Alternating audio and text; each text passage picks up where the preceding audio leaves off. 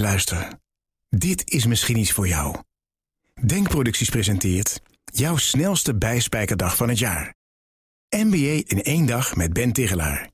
Ben praat je bij over leiderschap, organisatie, strategie en verandering in één dag.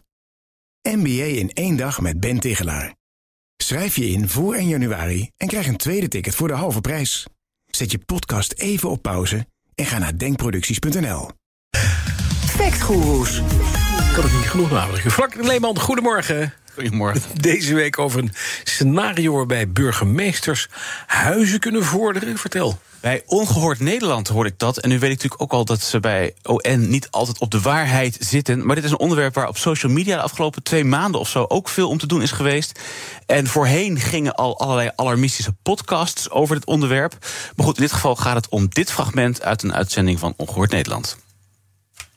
Je hebt natuurlijk de spreidingswet, maar ook de wet verplaatsing bevolking. Daar wordt de burgemeester wordt in feite de macht gegeven om panden te confisceren, ook woningen. Maar ook om te zeggen, we hebben hier wat immigranten, die kunnen we daar plaatsen. Dan is het heel simpel, u kunt die woning niet meer betalen, maar u heeft wel drie kamers vrij. Nou, daar komen er toch drie immigranten bij. Nou, kortom, door de recent geactiveerde wet verplaatsing bevolking... zou volgens ON een burgemeester je huis kunnen vorderen.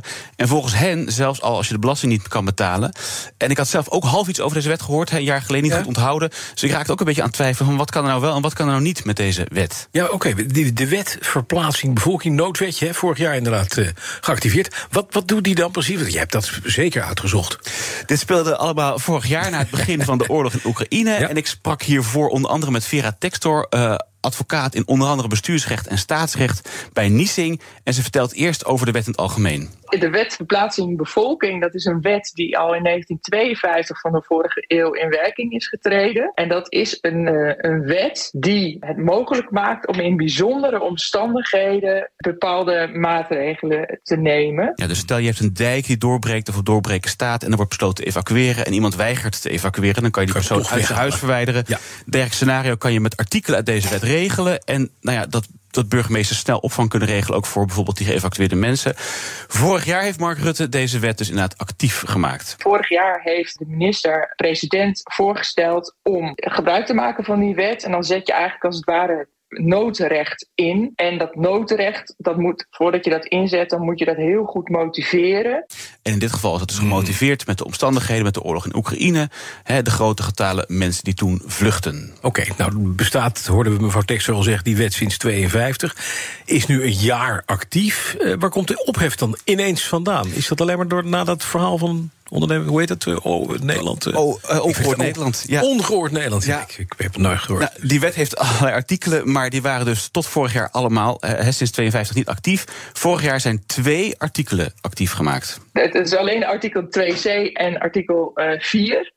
En uh, uit de wet vloeit ook voort dat, uh, ja, dat, dat dat een tijdelijk iets is. En dat moet af en toe worden verlengd. En dat is recent is dat uh, weer verlengd. Ja, uit die verlenging komt dus die onrust. Vera vertelde dat het om twee artikelen gaat, 2c. En in 2c staat alleen maar deze wet van toepassing op volksverplaatsing op grote schaal.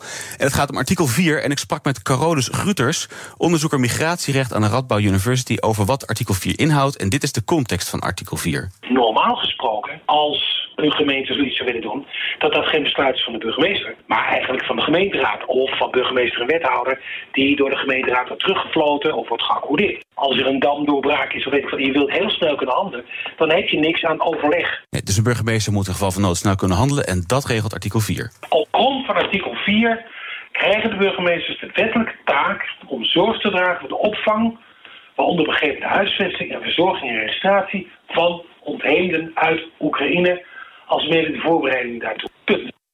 Oké, okay, dus huisvesting wordt genoemd. En dat is dus waar Ongehoord Nederland op doelt in dat stukje?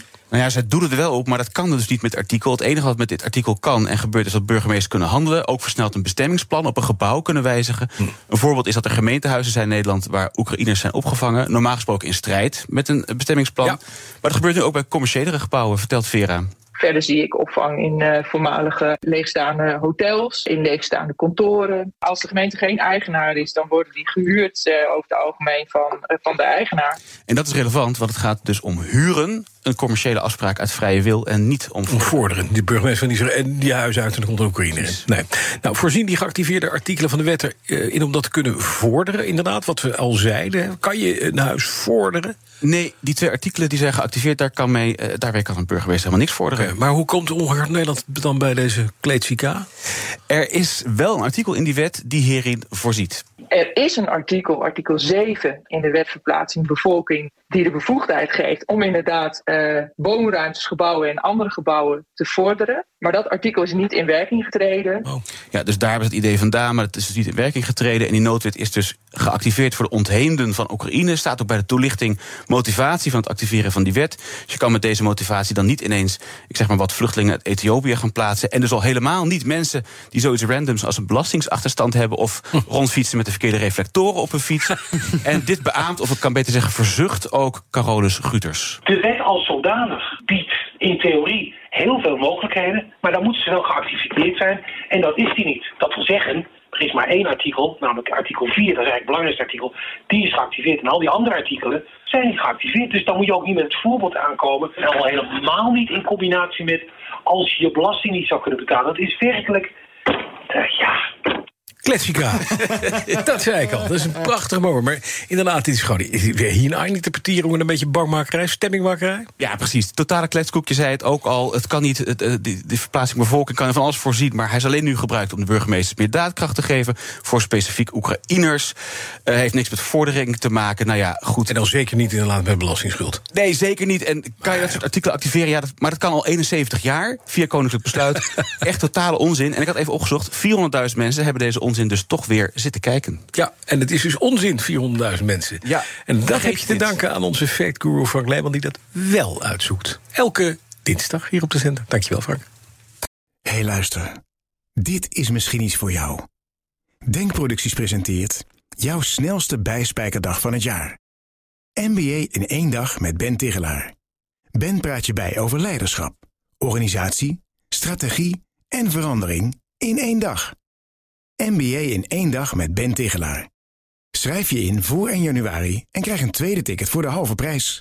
Zet je podcast even op pauze en ga naar denkproducties.nl.